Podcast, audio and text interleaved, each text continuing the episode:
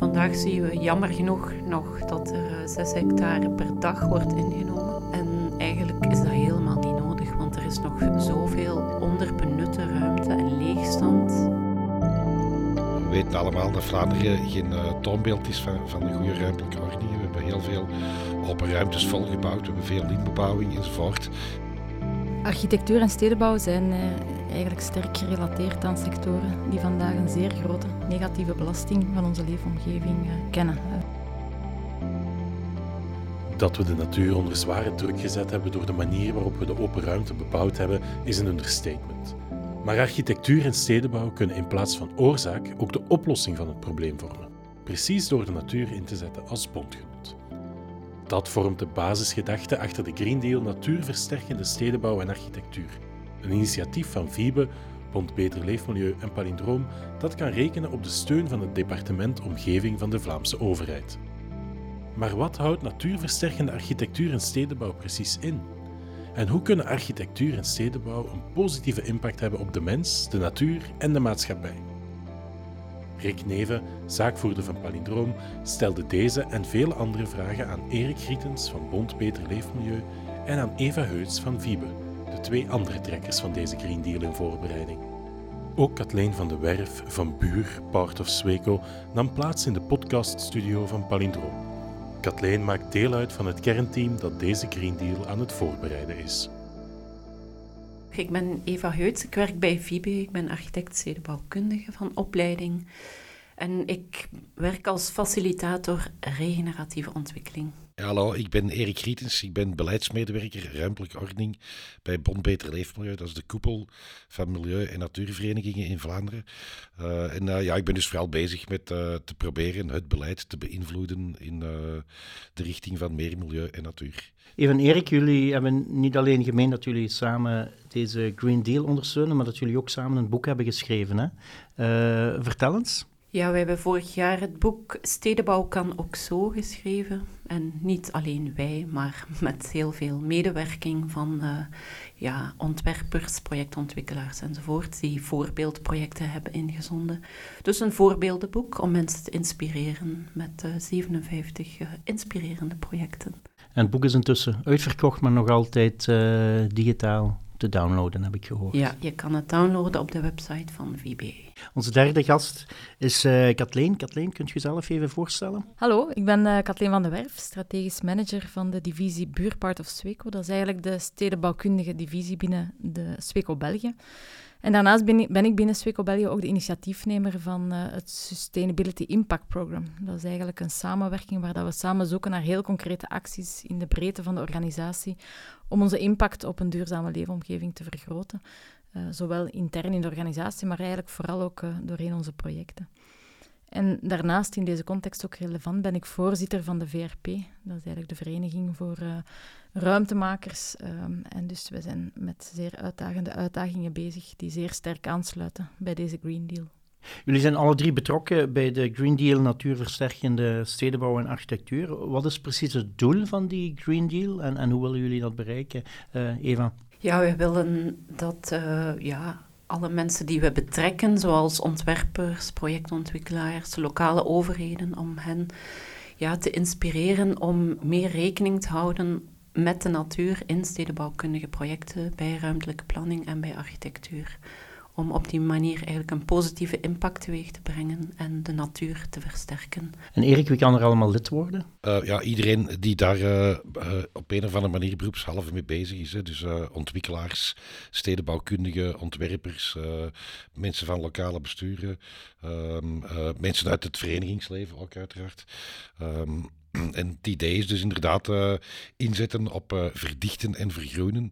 Uh, want we weten allemaal dat Vlaanderen geen toonbeeld is van, van een goede ruimtelijke ordening. We hebben heel veel open ruimtes volgebouwd, we hebben veel linbebouwing enzovoort.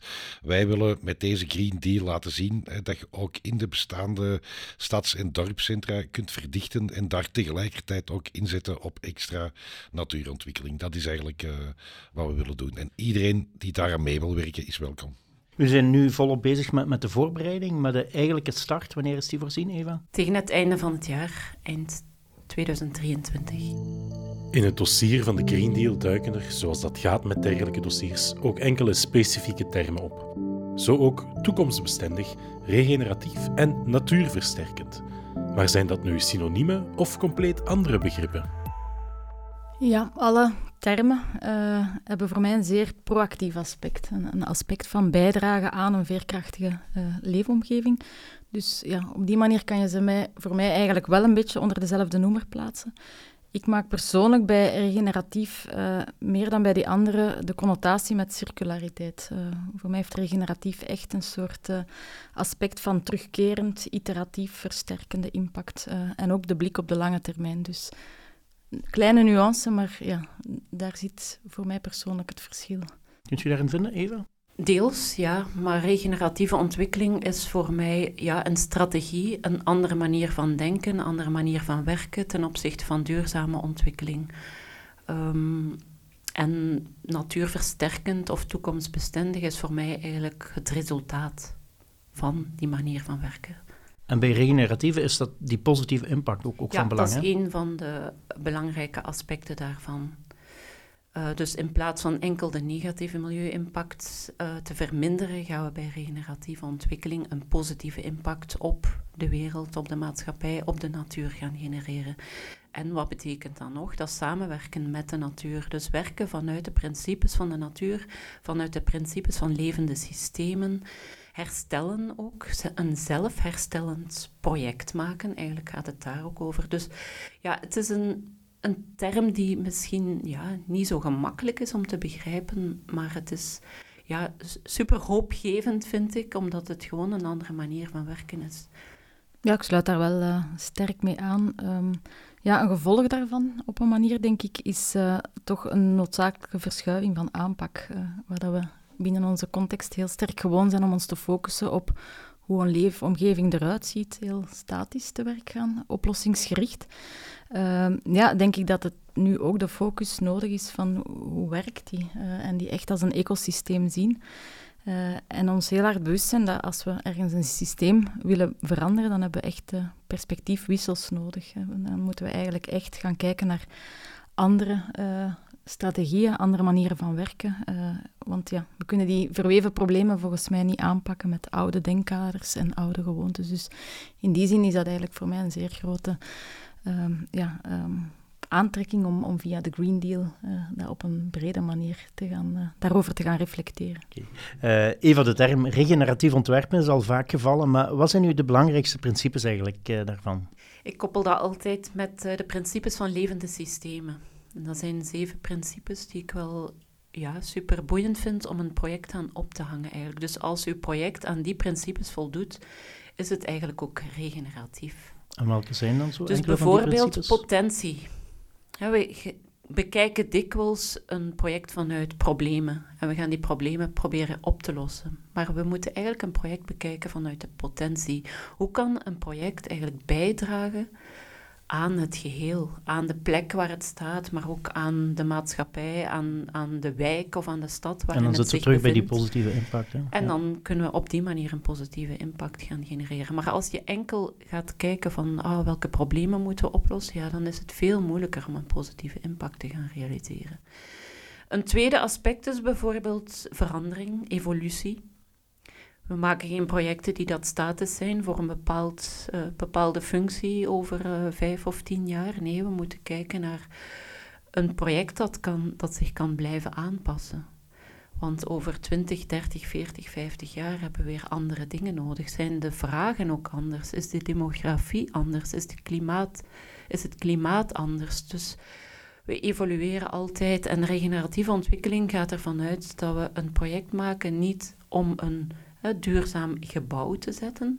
Nee, we gaan een regeneratief proces gaan faciliteren. Dat gebouw is eigenlijk maar een middel. Want wat willen we doen als we een school bouwen bijvoorbeeld? We willen een school bouwen waar kinderen zich goed voelen. Waar kinderen gelukkig, gezond enzovoort zijn, waar kinderen iets bijleren, vaardigheden bijleren enzovoort. En dan moet dat project gaan faciliteren. Dus het is belangrijk om te zien van hoe kan die school hè, al die verschillende functies gaan faciliteren en hoe kan er nog meer worden voor de buurt, voor de stad waarin die school zich bevindt. hoe kan dat dan een levend, hoe kan het levenssysteem waarin het zich bevindt eigenlijk verbeteren? Daar gaat het bij regeneratieve ontwikkeling om. Een ander uh, iets is holisme. Dus we kijken naar, ja, dat is dikwijls een moeilijk begrip. Hè. Dat wordt dikwijls gezegd, dat zo'n zweverig woord. Maar ja, het is een woord dat van het Grieks afkomstig is. Uh, holon, denk ik. Nu ben ik al aan het twijfelen. uh, wat geheel betekent. Dus we bekijken alles vanuit een geheel en niet vanuit een verschillende Allee, verschillend of een één bepaalde focus. Nee, we moeten alles uh, vanuit dat geheel, want alles hangt eigenlijk samen, hè, zoals daar juist ook uh, gezegd. Uh, dus het is, wij zijn afhankelijk van dieren, planten enzovoort, van andere mensen. Dus alles moet vanuit dat geheel bekeken worden. Erik, jullie zijn niet de enige met een, een Green Deal uh, binnen het departement Omgeving. Er is bijvoorbeeld ook een Green Deal rond klimaatadaptieve ruimte. Waarin zit het verschil tussen het klimaatadaptieve en het uh, natuurversterkende, het regeneratieve? Ja, er zijn natuurlijk duidelijk linken. Hè. Dus uh, het klimaatadaptieve gaat vooral over het kunnen opvangen van gevolgen van klimaatverandering. Dus langdurige periodes van droogte, hittegolven, uh, wateroverlast bij hevige regenval. Door te voorzien in bijvoorbeeld extra ruimte voor wateropvang. maar bijvoorbeeld ook door bomen te planten voor meer schaduw. Um, en ja, dat, dat, dat, zorgt op zich natuurlijk ook voor meer natuur. maar onze insteek ja, gaat toch echt over die die meerwaarde van de natuur uh, op zichzelf, hè, over, over het uh, herstellen van natuurlijke systemen, over ruimte voorzien voor uh, bestuivers bijvoorbeeld, hè, zodat onze voedselzekerheid niet in het gedrang kan komen, over ja, een, een, ehm, een, ook, ook, gewoon een aangename leefomgeving waar het goed is om te leven, omdat natuur ook wel een positieve impact heeft, zowel op de fysieke als de mentale gezondheid van mensen die in de buurt wonen. Dus ehm, dat is toch nog een beetje een andere insteek dan, dan enkel kijken naar die uh, ja, gevolgen van de klimaatverandering en hoe we die kunnen opvangen in stedenbouwkundige projecten. Eva, we hebben zo net jullie ons dossier nog even doorgenomen en ik zie daar heel dikwijls de term circulaire stedenbouw in. Nu, wat circulair bouwen betreft, daar kunnen de meeste mensen zich wel iets bij voorstellen. Maar circulaire stedenbouw, dat is een iets moeilijker begrip, vind ik. wat verstaat je daar precies onder? Ja, in een stad of een wijk komen heel wat stromen binnen, hè, zoals van energie, water, materialen, grondstoffen, voedsel. En achteraf, nadat we het gebruikt hebben of verbruikt hebben, dan gaat er weer heel veel afval uit onze stad. Maar bij circulaire steedbouw willen we dat er zoveel mogelijk eigenlijk in de stad zelf wordt ja, uh, hergebruikt en geteeld enzovoort. Dat we zo weinig als zo klein mogelijke stromen naar binnen laten komen en zo klein mogelijke stromen de stad laten verlaten. Kathleen, we zeggen dat we een, een positieve impact uh, nastreven. Dat wil eerst en vooral zeggen dat we de negatieve impact uh, zoveel mogelijk beperken. Hoe moeten we dat uh, concreet doen? Um, ja, architectuur en stedenbouw zijn eh, eigenlijk sterk gerelateerd aan sectoren die vandaag een zeer grote negatieve belasting van onze leefomgeving eh, kennen, uh, zoals mobiliteit, bouw, maar ook voeding. het zijn allemaal sectoren met heel hoge emissies, veel gebruik van primaire grondstoffen, veel afval. En dus ja, dat betekent ook dat architectuur en stedenbouw ook een zeer grote hefboom kunnen creëren op de aanpak daarin. En dus ja, in die zin, ik denk dat het net ook door Eva al aangehaald is, uh, zet ik dan toch heel sterk in op circulariteit als uh, grote aanpak. Uh, ja, waar dat je echt gaat inzetten op hergebruik van primaire stoffen, maar ook van materialen, van producten waar je zeer sterk gaat werken met het verlengen van de, van de levensduur van gebouwen, materialen en producten, maar waar dat er eigenlijk ook sterk wordt ingezet op, op gedragsverandering, waar dat we echt uh, ook uh, aspecten van uh, deeleconomie, meervoudig ruimtegebruik, meervoudig infrastructuurgebruik, delen van services echt gaan omarmen en inbedden in onze ontwerpen en projecten. Erik, eh, volgens jullie is er ook een, een, een drastische uh, revolutie, evolutie nodig. Want ik lees in het dossier ook dat een groene saus over business as usual projecten zal daarvoor niet volstaan. Hè? Ja, inderdaad. Het gaat meer dan alleen maar het, het milderen van de negatieve impacten. Ehm, dus het, het, is meer dan bijvoorbeeld, ik zeg maar iets, zonnepanelen uh, op, op, een, op een huis leggen. Als de huis op een verkeerde plaats staat, in een overstromingsgebied of uh, in een natuurlijk valleigebied, ja, dan zullen die zonnepanelen niet helpen. Hè. Dus dan zal die groene saus niet helpen. Het gaat er dus ook over waar dat we bouwen. Hè. Dus op de juiste plaatsen in de stads- en dorpscentra. Uh, dat we inzetten op zo weinig mogelijk extra verhardingen, eerder inzetten op onthardingen. Dus eerder kijken naar hoe kunnen we bestaande brownfields, verlaten plaatsen, terug gaan herontwikkelen en, en een stuk gaan ontharden om meer ruimte te geven uh, aan de natuur. En dat gaat toch allee, verder dan uh, inderdaad wat wij dan noemen die groene saus over het business as usual bouwen in Vlaanderen. Maar er is nog een belangrijke vraag. Het is niet alleen hoe we moeten bouwen, het is ook of we überhaupt wel moeten bouwen, niet? Ja, klopt. Um, vandaag zien we jammer genoeg nog dat er uh, 6 hectare per dag wordt ingenomen. En eigenlijk is dat helemaal niet nodig, want er is nog zoveel onderbenutte ruimte en leegstand in, uh, in Vlaanderen, in kernen, in steden, van steden en gemeenten.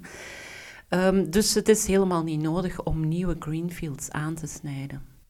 We moeten met andere woorden op ruimtelijk dieet, hè? Inderdaad, we moeten wat beter uh, nadenken waar, waar we nog uh, willen bouwen en waar niet. Een heel belangrijk aandachtspunt is ook uh, de kwalitatieve verdichting. Uh, Kathleen, wat moeten we daar precies onder verstaan? Ja, misschien ook aansluitend op de vorige vraag. Um, ja, ik denk dat anderzijds er ook nog op heel wat maatschappelijke uitdagingen uh, een antwoord moet komen, zoals bevolkingsgroei, vergrijzing, economische innovatie. Dus um, ja, daar hoort op een manier ook bouwen bij, maar het gaat er heel sterk om waar je bouwt en hoe je bouwt. en dus verdichten in kernen nabij voorzieningen en werkgelegenheid. Dat kan oplossingen bieden aan een heel aantal maatschappelijke vraagstukken. En dat kan ook uh, zorgen voor een duurzamer verplaatsingsgedrag, een vrijwaring van de open ruimte, meer draagvlak ook voor uh, de werkstellingsapparaat, handel. Um, en dus ja, in die zin, kwalitatieve verdichting, ja, dat is voor mij een verdichting die beantwoordt aan een brede waaier aan maatschappelijke vraagstukken zoals ik ze net opgenoemd heb. En dat op een heel geïntegreerde manier. Dus rekening houdend met de context, zowel qua programma als qua volumetrie. Dus ik denk, een kwalitatieve verdichting kan op meervoudige basis heel wat maatschappelijke meerwaarde uh, onderbouwd worden. Veel mensen, Erik, hebben wel schrik van zo'n verdichting. Hè? Ja, dat begrijp ik. Hè. Zeker in de Vlaamse context zijn we dat niet gewoon. Hè. We, we, we, hebben hier meer, uh, ja, helaas, de gewoonte van uh, verkavelingen, waar iedereen uh, op zijn eigen uh, Kavel uh, ja, kan doen wat hij wil, maar waar dat er langs de andere kant, dan merk je toch ook alleen dikwijls weinig sociale contacten zijn, hè, waar dat er ook wel uh, heel andere milieu- en natuurproblemen mee samenhangen. En ik merk toch meer en meer, zeker bij de jongere generaties, dat die behoefte aan meer samen dingen doen, delen is het nieuwe hebben, is een van die slogans, dat dat toch echt wel aan het opkomen is. En dat zeker de jongere generaties absoluut openstaan voor die nieuwe, dat, die nieuwe soorten woonvormen. Hè, genre co-housing projecten of meer gemeenschappelijke woonvormen. Um, maar we merken toch ook meer en meer eigenlijk ook dat dat zeker niet tot de jongeren uh, meer beperkt is, maar dat dat bijvoorbeeld ook bij senioren uh, begint, uh, begint aan te slaan. Niemand wil graag in een woonzorgcentrum eindigen. Um, en we merken bijvoorbeeld hè, dat gemeenschappelijke woonprojecten voor senioren, co-housing voor senioren, dat er echt wel vraag naar begint te komen. Dus ik zie toch wel wel degelijk, eh, ondanks eh, soms toch eh, wat de, de, weerstand tegenover te dicht bij elkaar wonen, zie ik toch ook heel andere trends eh, in de samenleving waar dat wij volop op kunnen inspelen. Ja, en we kunnen dan ook ja, de aangename dingen delen. Hè, in plaats van elk ons eigen kleine tuintje te hebben, waar je ja, amper een paar vierkante meter gras hebt. Door dat te delen met ja, een community van 20, 30, 40 mensen, ga je ineens een grotere tuin hebben.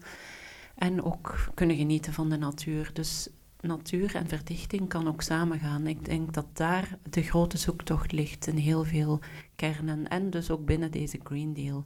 Om die twee met elkaar te verzoenen. Ja, een, heel goed voorbeeld uh, vind ik, uh, moet het misschien wat concreet proberen te maken, is de duurzame wijk van Wienerberger in uh, Waregem. Um, dus dat, dat, dat is een project, een woonproject, dat is ondertussen klaar. daar stond een typische grote oude villa, zoals we er heel veel hebben uit de jaren, jaren 60, op een heel grote kavel van meer dan 2000 vierkante meter. die oude villa, die, die totaal niet meer voldeed aan de eisen van vandaag, is afgebroken, is vervangen door zes um, uh, klimaatneutrale rijwoningen um, voor zes gezinnen. En uh, die, die, die, dat groot perceel is nu de gemeenschappelijke tuin geworden, die ook op een heel natuurlijke manier is ingericht. Dus dat toont aan hè, dat er ook in de centra heel veel plaats is, ook als je weet dat gezinnen al maar kleiner worden, om van die grote oude babyboom villa's te gaan opvormen tot hedendaagse klimaatneutrale woonprojecten met heel veel aandacht voor natuur we hebben al heel veel gehad over uh, verdichting, uh, stadscentra en zo verder. Uh, wil dat zeggen dat jullie vooral focussen op die stedelijke gebieden?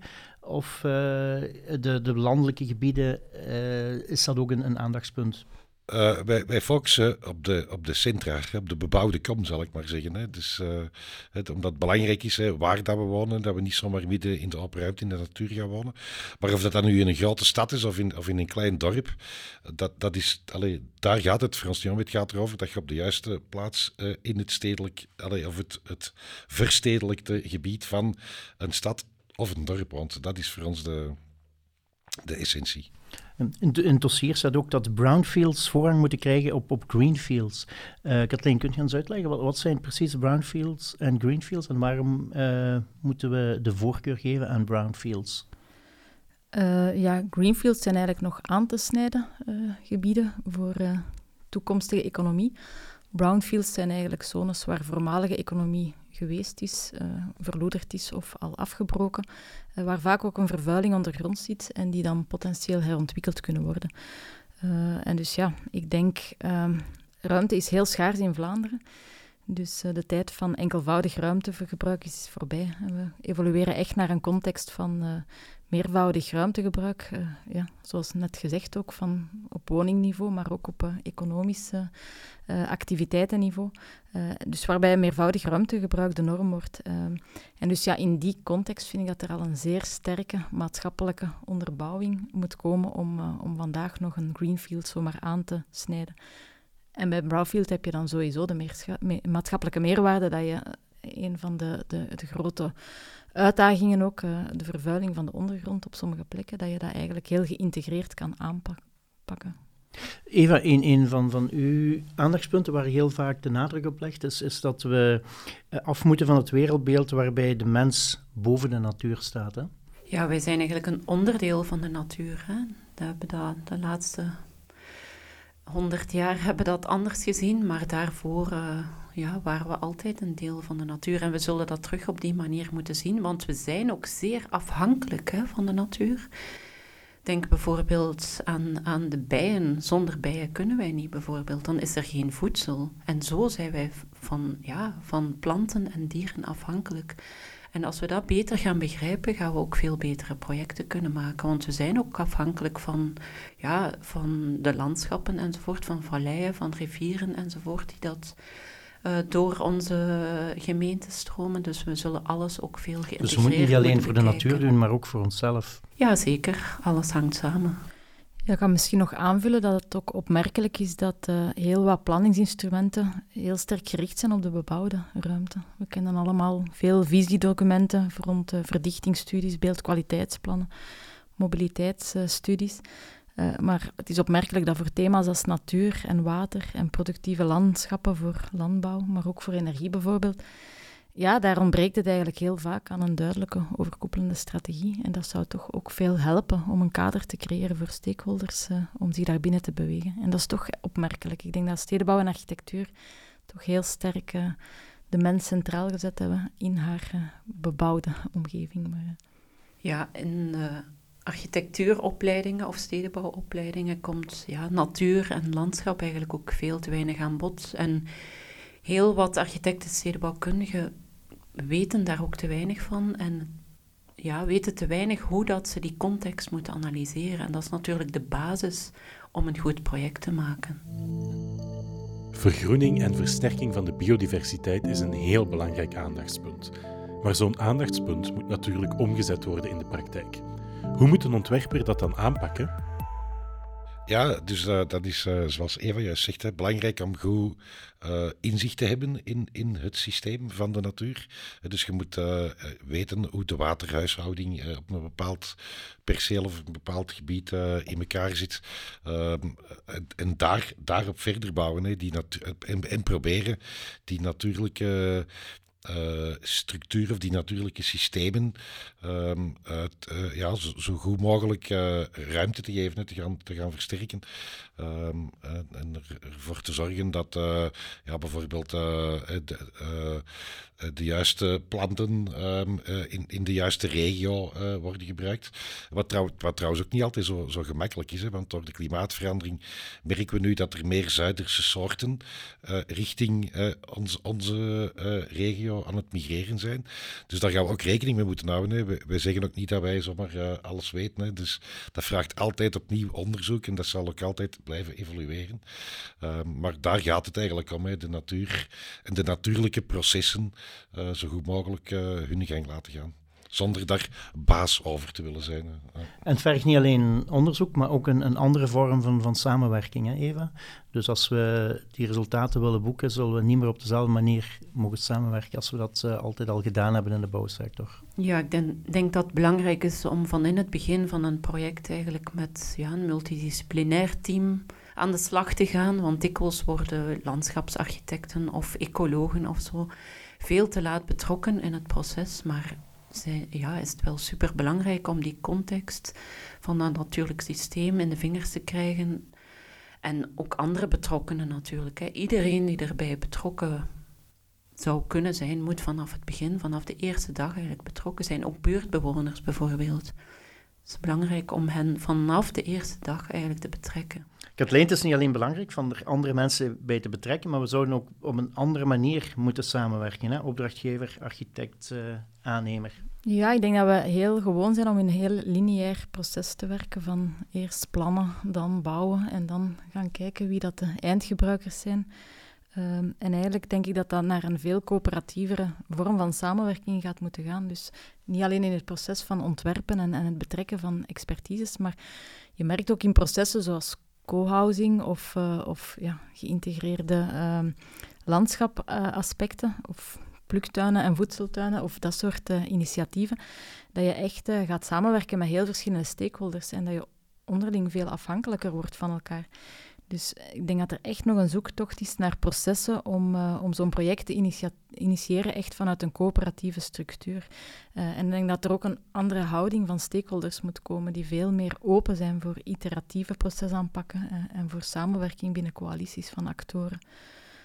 maar dat merken we wel, dat we bij de meeste succesvolle projecten, die ook in het boek zijn opgenomen, dat dat heel sterk uitgaat vaak van een coalitie van actoren uh, die kunnen samenwerken in een context van vertrouwen. Dat is ook een zeer belangrijk aspect. Dat mensen zich niet heel defensief, maar in, in een context van vertrouwen kunnen opstellen. Uh, en dus ja, dat zijn eigenlijk belangrijke kritische succesfactoren uh, voor toekomstbestendige stedenbouw als we kijken naar de, naar de succesvoorbeelden. Ja, als we vanuit regeneratieve ontwikkeling kijken, dan is een van de zeven principes van de levende systemen dat je door samen te werken er iets uit leert of er beter van wordt. Systemische wederkerigheid betekent. Dus het is meer dan gewoon samenwerken. Je wordt er allemaal beter van. En dat vind ik wel een heel interessant principe. Hm. Erik, heel veel staat of valt met een, een goede opdrachtgever en een goede omschrijving van, van de opdracht. Uh, en wat dat betreft uh, pleiten jullie voor geïntegreerde opdrachten. Hè? Wat moet ik daar precies onder verstaan? Ja, nu zijn uh, opdrachten vaak zeer zeer technisch en, nogal beperkt qua, qua scope, zal ik zeggen. Dus uh, uh, er is een vraag bijvoorbeeld, hè, we, we, willen een nieuwe ondergronds parkeergarage in onze stad. en dan is de, de, de opdracht is dan gewoon teken teken een uh, technisch ontwerp voor, voor de parking. Maar je kunt dat ook veel ruimer zien en veel geïntegreerder. Zorg dat er tegelijkertijd het plein wordt er aangelegd, dat er extra groen bij kan komen, dat er aandacht is voor waterhuishouding. Dus het gaat eigenlijk over die geïntegreerde benadering uh, die we meer in de verf willen zetten. Um, van de theorie na, naar de praktijk, uh, dus dat is zeker ook de bedoeling van de Green Deal, van, van best practices uh, te tonen. Kunnen jullie zelf eens een, een, een enkele mooie voorbeelden geven van uh, projecten waarin die principes goed zijn toegepast? Ja, ik vind het project van de Woluwe-vallei van de VLM heel mooi. Dat staat ook in ons boek beschreven. Is ja, een project rond Brussel in verschillende gemeentes, waarbij dat ze de beek, uh, de Woluwe, terug hebben opengelegd. Die lag uh, ondergronds op ja, een heel lang tracé. En ze hebben door één klein project eigenlijk uh, aan verschillende stakeholders laten zien van kijk, dit kan het worden. Want er was wel een masterplan voor een heel groot uh, project, een heel lang tracé. Maar mensen werden daar niet enthousiast van, omdat ze niet begrepen wat dat de voordelen ervan zouden zijn. Maar toen ze eenmaal dat klein projectje gerealiseerd zagen, zagen ze wat het zou kunnen zijn. En vandaag is het, ja, is het helemaal gerealiseerd. Dus dat is, dat is prachtig, want ik denk dat er op dat vlak nog heel veel werk is in Vlaanderen om beken terug open te leggen, die terug ruimte te geven, daar natuur uh, wandelpaden, fietspaden enzovoort, speelvoorzieningen, alle laagdynamische functies aan te koppelen, natuur aan koppelen. Dus dat is uh, voor mij een heel mooi voorbeeld. Ja. Kathleen, was voor u een, een, type voorbeeld van een natuurversterkend project? Um, natuurversterkend, ik, ik vind een mooi voorbeeld hal 5 um, op de centrale werkplaats in Leuven. Uh, vooral in zijn combinatie. Uh, ik denk dat dat eigenlijk, uh, dat is het, eigenlijk initieel een tijdelijk gebruik van de oude hal die deel uitmaakt van de voormalige werkplaatsen van de spoorwegen. Ehm, maar het is voor mij een toonvoorbeeld van hoe zo'n coalitie van actoren tot stand kan komen. hoe dat eigenlijk zowel stad als heel wat stakeholders als ondernemende stadsmakers eigenlijk uh, in een context van vertrouwen dat project hebben opgebouwd. En wat is er precies gebeurd in dat project? Dat project omvat een veelheid aan uh, eindgebruikers. Dus uh, daar is zowel recreatie als, dat speelt in op korte keten, een bakkerij, lokale bakkerij, een voedselverdeelpunt... Um, maar ook uh, een aantal uh, restaurants, uh, maar die ook allemaal volgens eenzelfde waarde van korte keten en uh, en ambachten, ja, ambachtelijke aanpak uh, werken. Uh, maar het is natuurlijk ook een zaal die heel veel ruimte biedt. Alleen een zaal, een, een hele hal, waar dat er ook ruimte is voor evenementen van de buurt, waar dat er tweedehandsmarkten gehouden worden. Dus dat straalt eigenlijk heel sterk verschillende aspecten uit. Dus in die zin het is ook gefinancierd door, door crowdfunding, dus, dus een deel van de buurt heeft kunnen bijdragen. Dus dat creëert ook ineens heel veel draagvlak. En dus voor mij is dat een project dat op heel veel maatschappelijke aspecten antwoordt. Het speelt in op korte keten, op uh, sociale inclusie, lokale economie versterken. Um, maar het is ook ingebed in een hele groene omgeving. Er zijn pluktuinen enzovoort. Dus voor mij is dat een heel concreet project dat heel veel aspecten uh, inbedt en dat vooral in zijn procesvoering voor mij toch een, voorbeeld is. Ja, prima. Erik, wat was voor u een schoolvoorbeeld van, van een uh, natuurversterkend project?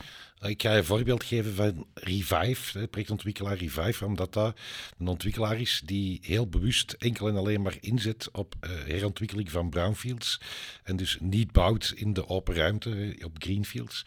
Uh, en wat, ik bijvoorbeeld, ze hebben veel mooie projecten, waar ik zeker een interessant project vind, is de draad in, uh, in Genbrugge. en dat dus de draad, dat was vroeger een, uh, een fabrieksterrein dat al een jaar of tien leeg stond. was een echte stadskanker. Uh, daar werd ijzerdraad gemaakt, vandaar de naam de draad. Uh, en dat is dan volledig herontwikkeld tot, ja, tot een duurzame woonwijk van, ik denk, ik schat, ik weet niet van buiten, een honderdtal woningen.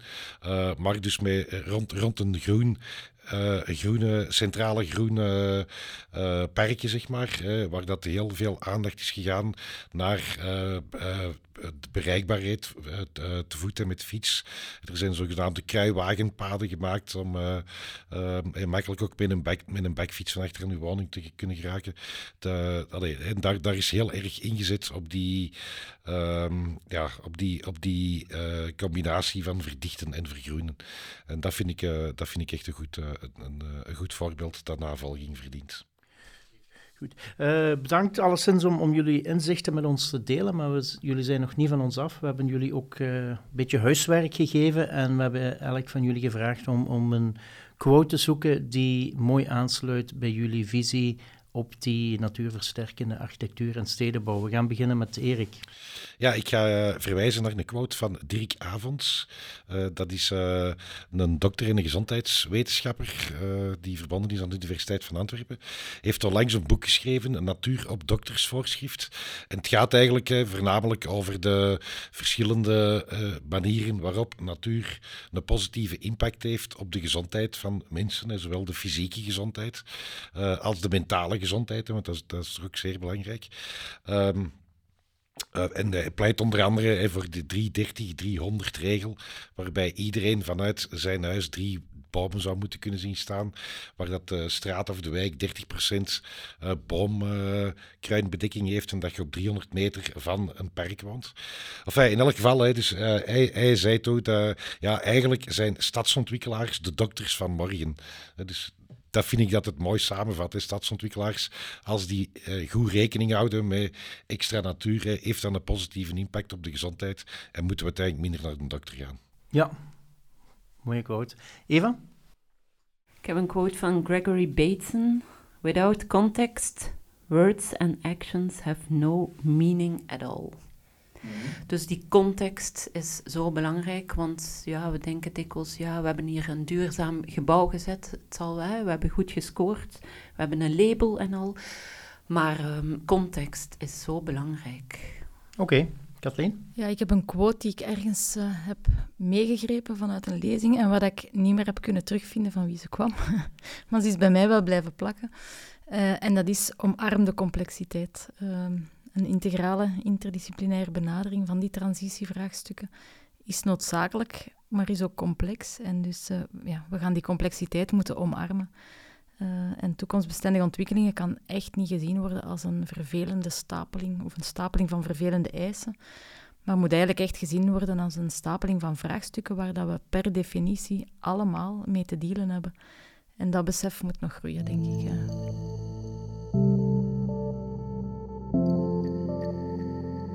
Met deze inspirerende quotes komen we bij het einde van deze podcast.